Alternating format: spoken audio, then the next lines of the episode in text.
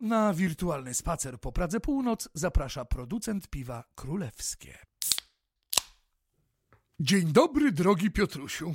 Dzień dobry, drogi Pawełku. Przed nami kolejna ekscytująca wycieczka po Warszawie w poszukiwaniu królewskich cech miasta. No dziś będzie bardzo łatwo. Jedna z moich absolutnie ulubionych dzielnic, historyczna, zachowująca właściwie ciągłość swojego rozwoju i, i zmian i rewolucji, barwna, charakterystyczna Praga Północ. Tak, oczywiście, jedna z najbardziej charakterystycznych e, warszawskich dzielnic. Ona... Lubisz czy się boisz? Ja nie, no lubię bardzo, tym bardziej, że faktycznie mieszkając, e, znaczy ja niby, mieszka, nie, niby jestem z Żoliborza, ale, ale też e, znałem Brudno bardzo dobrze, bo tam moi dziadkowie mieszkali na przykład na Różyckiego Bazar, to przecież dziadek ze mną brzdącem e, wówczas kilkuletnim bardzo często właśnie e, jeździł. A to warto też dodać, że obecna Praga no, bardzo mocno w ciągu ostatnich lat zmieniła swój image. Rzeczywiście niegdyś uchodziła za dzielnicę niebezpieczną i bardzo mocno zaniedbaną. No taka zresztą by, była, bo była troszeczkę planowo przez włodarzy PRL-u pozostawiona na, żeby, na rozpadnięcie się, e, ale, ale w ciągu ostatnich lat no, to się zmieniło, zyskała taki artystyczny sznyt, tak? Ten... Tak, staje się coraz bardziej modna. No i bez wątpienia Praga ma swój własny charakterystyczny styl i szyk. Tak, e, tutaj trzeba też powiedzieć, że przecież w tym obecnym podziale administracyjnym, który jest nieco sztuczny, to właśnie na Praga Północ, to faktycznie Praga Północ zawiera sporą część tej autentycznej Pragi, tej dawnej Pragi, prawda, która była w XVII wieku tym miasteczkiem, prawda, które no, utrzymało prawa miejskie i faktycznie e, na, na, na tym, na terenie obecnej Pragi Północ większa część tej dawnej Pragi się znajduje. To jest teren tak od ulicy Okrzei po, na północ do e, teren obecnego zoo i tam jeszcze trochę za ratuszową. To była właśnie ta Praga XVIII-wieczna. Tak, nie istnieje po rzezi Pragi e, sprzed setek lat. E, właściwie jedyna pozostałość to kościół przy ratuszowej, prawda? E, no, bardzo tak, bardzo ważny kościół. Tutaj też nie, nie, nie była kwestia tejże samej rzezi, bardzo tragicznego wydarzenia, ale również tego, co tam zrobił Napoleon. Niby nasz sojusznik, ale jednak po prostu... Co wywinął? Budowano fortyfikacje na początku, właśnie po wkroczeniu wojsk napoleońskich do Warszawy i zajęciu tamtego również brzegu Wisły. Właśnie Napoleon postanowił stworzyć tam taki system fortyfikacyjny i wtedy dokonano bardzo wielu wyburzeń. Ja właśnie w ogóle mieszkańcy wcześniej bardzo mocno się e, przeciwstawili rozebraniu e, tego kościoła właśnie przy Ratuszowej e, z tym domkiem loretańskim, który zresztą jest w herbie dzielnicy. No i, i, i dzięki temu właśnie on ocalał. Czyli w miejscu niegdysiejszej y, praskiej cywilizacji dziś zwierzęta.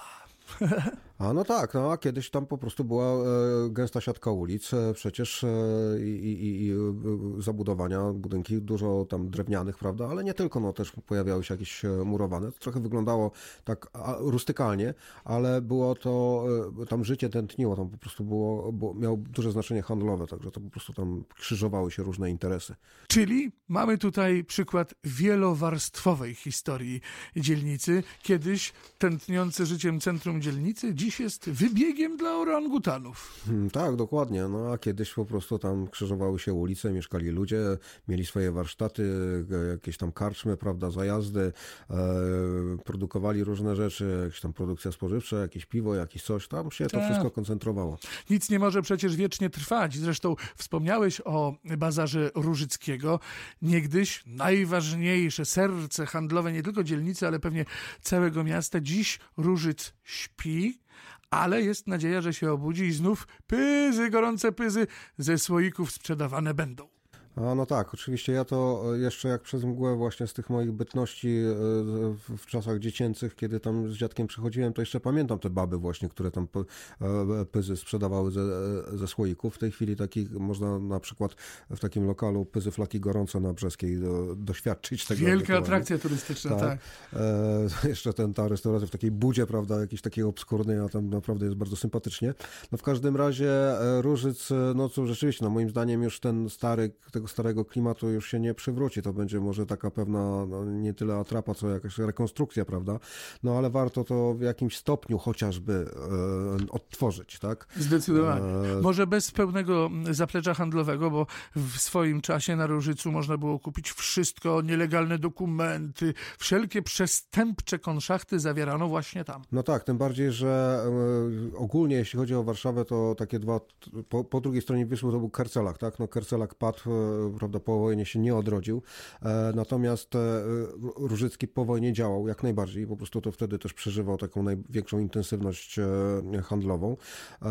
No i to w związku z tym, że właśnie bardzo wiele innych targowisk upadło, to tam się koncentrowały te sprawy, prawda? Bardzo wiele tych różnych stoisk, jakieś tam sprzeda sprzedaż naręczna, odręczna, różne pawilony, nie pawilony, po prostu te jakieś takie drewniane, prawda, budy, które tam stały, to wszystko tam się kłębiło. A wcześniej, w dawnych czasach to nie był jedyny bazar e, w tamtym rejonie, był taki bazar Pachulskiego bodajże na, na, na Stalowej, też dosyć spory, po którym już w ogóle śladu nie ma, prawda? Znaczy ślady są, ale, e, ale nie ma nawet takiej specjalnej pamięci jak, jak po tak. Różyckim, no, który jednak funkcjonował od lat 70. XIX wieku, więc to kawał historii. No ale Różyc też jest ściśle powiązany ze skojarzeniami muzealnymi. Muzeum Warszawskiej Pragi właśnie tam, e, właściwie na terenie bazaru funkcjonuje i jak ktoś chce poczuć duszę dzielnicy, to też do tego muzeum zajrzeć zdecydowanie zdecydowanie musi. Y, ale jakby tak, jak ja miałbym osobiście wybrać miejsce, do którego chciałbym turystów zabrać na Pradze Północ, to zdecydowanie, no, jak, jeśli chodzi o królewskie imprezy, to tylko na Ząbkowskiej, prawda? No, tak, to są te doroczne, prawda, ząb, ząbkowskie imprezy, które polegają na zamknięciu całej ulicy i faktycznie ona wtedy żyje zupełnie jakby innym rytmem, tak? No, nie, nie, nie podejmuje się tutaj, tak powiem, oceny komunikacyjnego, komunikacyjnego, komunikacyjnej oceny tego rozwiązania, bo to może być inna sprawa i niektórym sprawiać duże utrudnienia, ale jeśli chodzi o tako, takie życie kulturalne, to z pewnością to jest w ogóle super sprawa. No, tym bardziej, że takie lokale, które tam się znajdują, te wszystkie nowoczesne puby, prawda, e, to jest tak, że one, ja powiedziałem, że one są nowoczesne, ale one są jednocześnie tak osadzone właśnie w tym starym budownictwie, e, gdzie nie silą się na jakąś pretensjonalność, gdzie po prostu są jakieś stare meble fajne i to wszystko w takim klimacie troszkę wygląda jakby to było zaniedbane, tak, ale tak naprawdę po prostu to jest e, jak Świadomie wybrana estetyka. Taka świadomie wybrana estetyka i to jest jak najbardziej żywe. Tego niegdyś nie było po prostu, to tak jak mówiłem, to prostu w tych w czasach PRL-u to tak było, to, to wszystko tak no bo raz, że była ta opinia, prawda, właśnie Pragi jako miejsca niebezpiecznego, w którym lepiej się nie, nie, nie pokazywać i która po prostu w obecnych czasach zyskała właśnie ten polor takiej e, atrakcyjności. E, turystycznej, a jednocześnie moim zdaniem też nie, nie nazbyt nachalnej może. Znaczy to trzeba by oceniać raczej z punktu widzenia mieszkańca, ale no ten, ten, to oblicze dzielnicy jakoś pozwala jej przetrwać dalej tak, w przyszłości. Tak, Ząbkowska dzisiaj nie wywołuje żadnego lęku, a wręcz zachwyt, bo przy niej no, mnóstwo atrakcji, część, całe kwartały rewitalizowane, jak na przykład Koneser, czyli właściwie też miasto w mieście, zupełnie odrębne i charakterystyczne, ale moim ulubionym obiektem przy Ząbkowskiej, nie wiem czy y, go wyodrębniasz, jest kamienica, którą w całości pokryto srebrną folią. Srebrną folią, a tego, z, tym się, z tym się akurat nie spotkałem, albo przynajmniej nie kojarzę. A cóż to za kamienica? Na rogu Ząbkowskiej i zdaje się Markowskiej. Kilka sezonów temu taką niepozorną, niewyróżniającą się szczególnie kamienicę artyści obłożyli w całości na srebrno. Jak dla mnie atrakcja jest wybitna. No, dla mnie akurat główną atrakcją tego rejonu no to jest właśnie ten, ten dawny koneser, prawda, czyli, czyli e, ten teren e, industrialny, który po prostu przekształcono w e, to centrum współczesne, gdzie oczywiście to muzeum najbardziej sympatyczne, czyli Muzeum Polskiej Wódki sobie działa, ale to nie tylko to, to też kwestia tego, że ten teren dawny industrialny, gdzie już nie miał, który nie miał szans na zachowanie, no, służyć jako fabryka, no po prostu ocalono właśnie w tym e, charakterze, a tutaj też jest pewna ciekawostka, jeśli chodzi o tą fabrykę, którą po prostu mieszkańcy nazywali monopolem. To się mówiło, że to jest monopol, tak, że produkowano tam e, alkohol. Artykuły pierwszej no, potrzeby. No, artykuły pierwszej potrzeby, to e, wtedy, kiedy w czasie I wojny światowej w 1915 roku Rosjanie się wycofywali z Warszawy i po prostu wysa tam wysadzali dworce, niszczyli instalacje i tak dalej, to między innymi w ramach e, tegoż, tej, tejże akcji wówczas e, zniszczono olbrzymie zapasy alkoholu. Znaczy polegało to na tym, że po prostu miliony litrów wódki czy tam i spirytusów różnych spirytualiów zostało wylanych do e, rynsztoków, które wówczas funkcjonowały na Pradze. Czym to się skończyło? Oczywiście po prostu cała dzielnica z twarzami w tychże rynsztokach, po prostu czerpiąc z nimi pełnymi, że tak powiem, wiadrami, no, ocaliła część tego trunku. Gruba impreza dziś powiedzielibyśmy zdecydowanie. No i też nie możemy nie wspomnieć o żydowskich śladach w dzielnicy, prawda? Jest ich wyjątkowo dużo. Żydów na Pradze Północ było mnóstwo. Było tak, nie, nie tyle co w dzielnicy północnej z pewnością, ale, ale też ta społeczność odcisnęła swoje, e, swoje wyraźny ślad właśnie w tejże e, dzielnicy. No niestety e, synagoga, która była bardzo oryginalna architektonicznie, bo była okrągła, w ogóle to była taka rotunda, ona mogła sobie spokojnie stać do dzisiaj, była oczywiście po wojnie zrujnowana mocno, ale budynek sam się zachował, no ale niestety decyzją wczesnych władz gdzieś tam na przełomie lat 50. i 60. została zupełnie bez sensu rozebrana i został po niej tylko ten wzgórek taki na placu tak. zabaw. Natomiast dalej tam wzdłuż ulicy... No, Kinobaj. E, tam, tam, znaczy tam jest, tak, no, kino to jest inna sprawa, ale tam zostało też, e, zachowała się mykwa. Mykwa Owszem, zresztą społeczne liceum dzisiaj, tak, prawda? Mieści się... Kłopotowskiego 31, dokładny adres.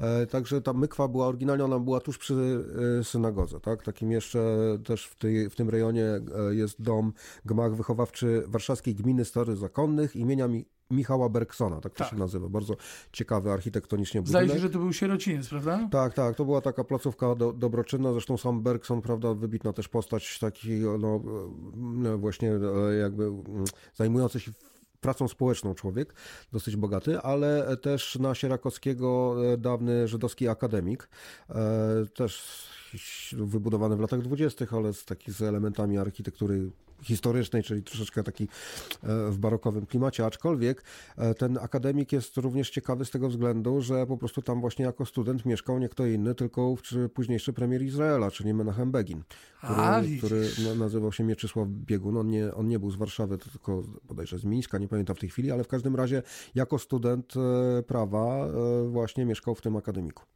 Zatem bardzo istotny kawał historii Pragi Północ to historia polskich Żydów. Tak, dokładnie. No dobrze. Mm, pomówmy jeszcze o zoo jako takim, ponieważ y, to też obszar, na którym działy się historie niesamowite. Na terenie zoo jest Willa Żabczyńskich, dobrze pamiętam? Tak, Żabczyńscy to... Z czego słynie? Znaczy pan Żabczyński był po prostu dyrektorem e, ZOO. W ogóle tutaj jeszcze wspomnę, że wtedy, kiedy pod koniec lat 20. E, ZOO powstało, Żabczyński nie był pierwszym dyrektorem, a pierwszy dyrektor miał się bardzo ciekawie nazywał. Nazywał się Wenanty Burdziński.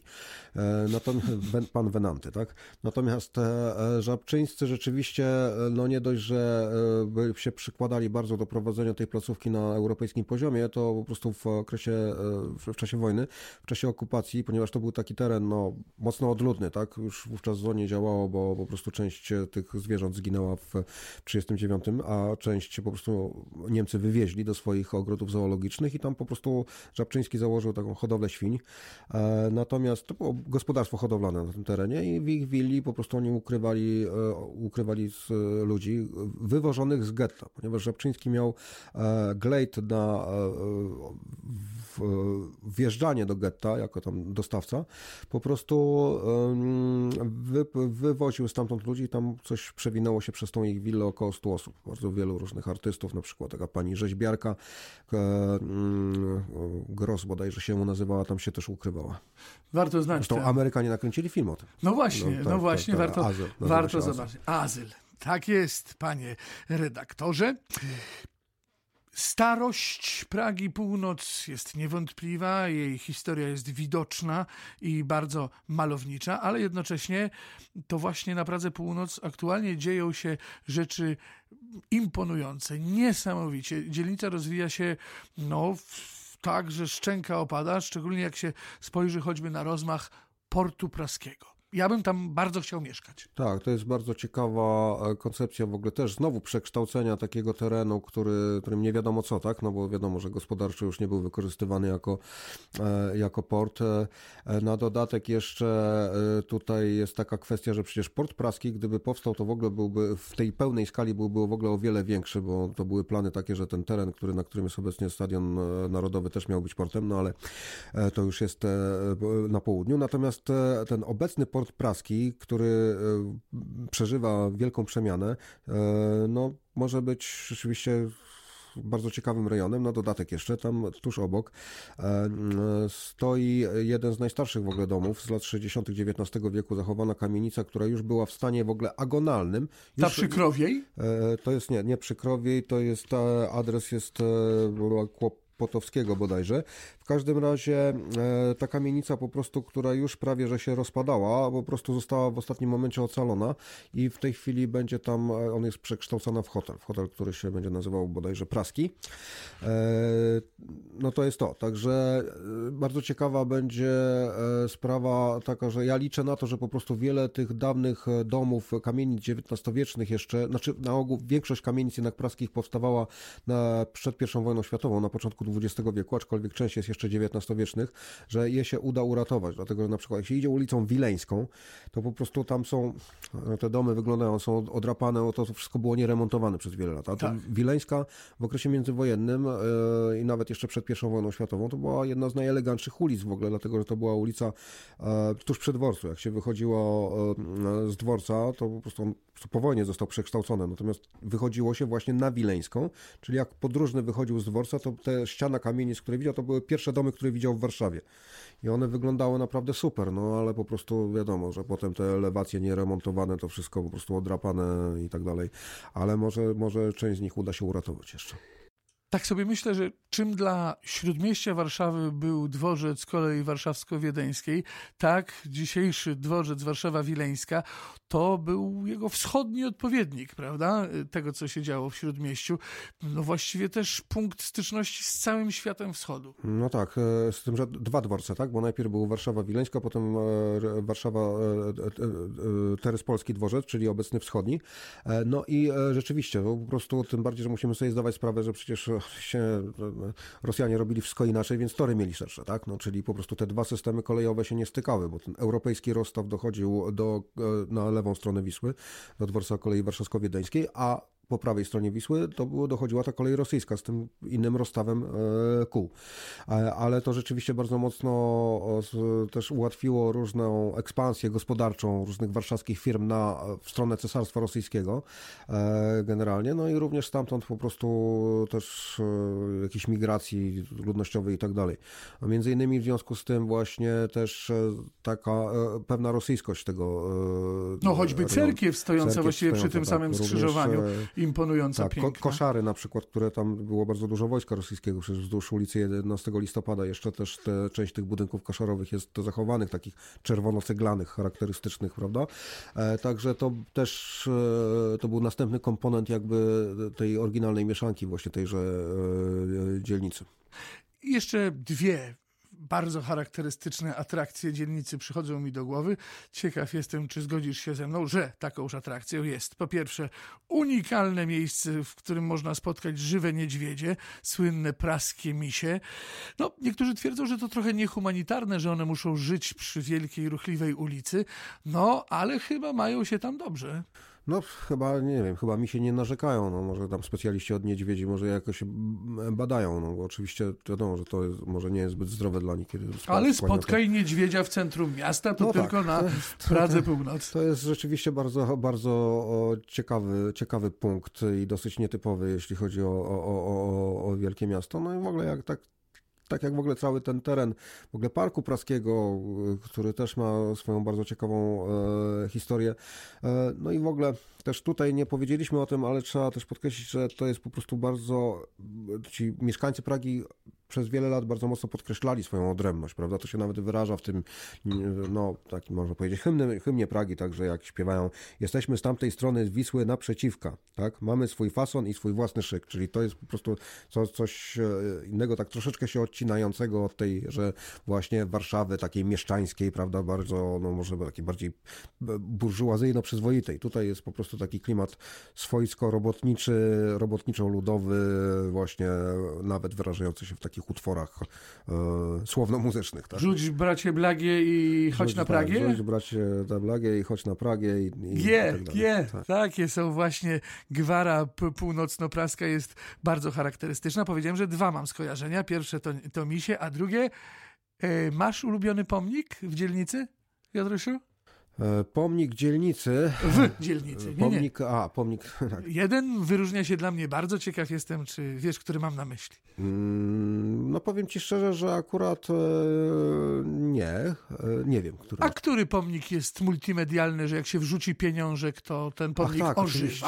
To znaczy pomnik Kapeli Praskiej. Tak pomnik jest. Kapeli Praskiej, no tutaj mi zabiłeś klina, ale faktycznie pomnik Kapeli Praskiej rzeczywiście też stoi na, zresztą w takim dosyć ważnym miejscu. No i to faktycznie jeden z oryginalniejszych warszawskich pomników, bo grający, tak? Grający, Tak, czyli- zdaje się, że można wysłać SMS-a pod odpowiedni numer i nagle ten pomnik gra, jako Tak, żyjąca no. kapela praska. Rzecz wyjątkowa, uważam, bardzo atrakcyjna. A na dodatek jeszcze można sobie zobaczyć, jakie oryginalnie instrumenty wchodziły, prawda, w skład takiej kapeli, bo tam i mandolinista, i inne muzyki taki, i po prostu nawet e, ubrani w w charakterystyczny sposób też, tak jak to kiedyś, że tak powiem, e, ludzie się ubierali, czyli po prostu obowiązkowym elementem stroju była marynarka i Kaszkiet. generalnie i, i e, kaszkiet, tak, czyli po prostu inaczej właśnie też niż w tej porządnej mieszczańskiej Warszawie, gdzie e, na ogół faceci nosili kapelusze po prostu. Zresztą takie kapele podwórkowe, to ja jeszcze w dzieciństwie pamiętam, że chodziły po podwórzach, grały, a ludzie z okien rzucali pieniądze.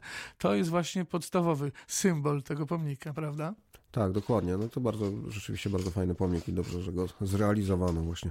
Tak, dużo artyzmu, dużo sztuki, dużo niepokory. To są chyba silne skojarzenia z Pragą Północ. No i również e, to, co się wiąże z tym artyzmem, to jest taka, te klimaty imprezowe, prawda? Jednak e, bardzo wiele miejsc przekształconych w kluby, e, ocalonych w dużej mierze dzięki temu, prawda? Które były tam, byłyby, gdyby nie to, byłyby skazane na jakąś tam powolne zapadanie się w degrengoladzie e, i, i, i rozpadzie. Natomiast tutaj rzeczywiście, no chociażby to centrum imprezowe przy 11 listopada 22, O, tak. tam gdzie po prostu to była przecież fabryka gumy. To była Tak. fabryka gumy braci Brage, która tam działała od, od 1918 roku E, i e, w, kilka klubów, które tam działa od lat, no to po prostu niesamowita sprawa. Całe podwórko zajęte, prawda, na, na właśnie taką działalność e, imprezową. Absolutnie królewskie imprezy. Tak. No dobra, to co? Wybieramy się na pyzy? No, myślę, że tak. Proszę Państwa, nie można, odwiedzając y, Pragę Północ, nie zjeść y, gorących pyz. To pyszne, sycące danie, które da nam energię. Do tego byśmy już wkrótce zaprosili Was na spacer po kolejnej królewskiej dzielnicy Warszawy. Dziękuję Ci za dzisiaj. Dziękuję Ci bardzo również. Piotr Wierzbicki. I Paweł Leroch. Pa! Cześć.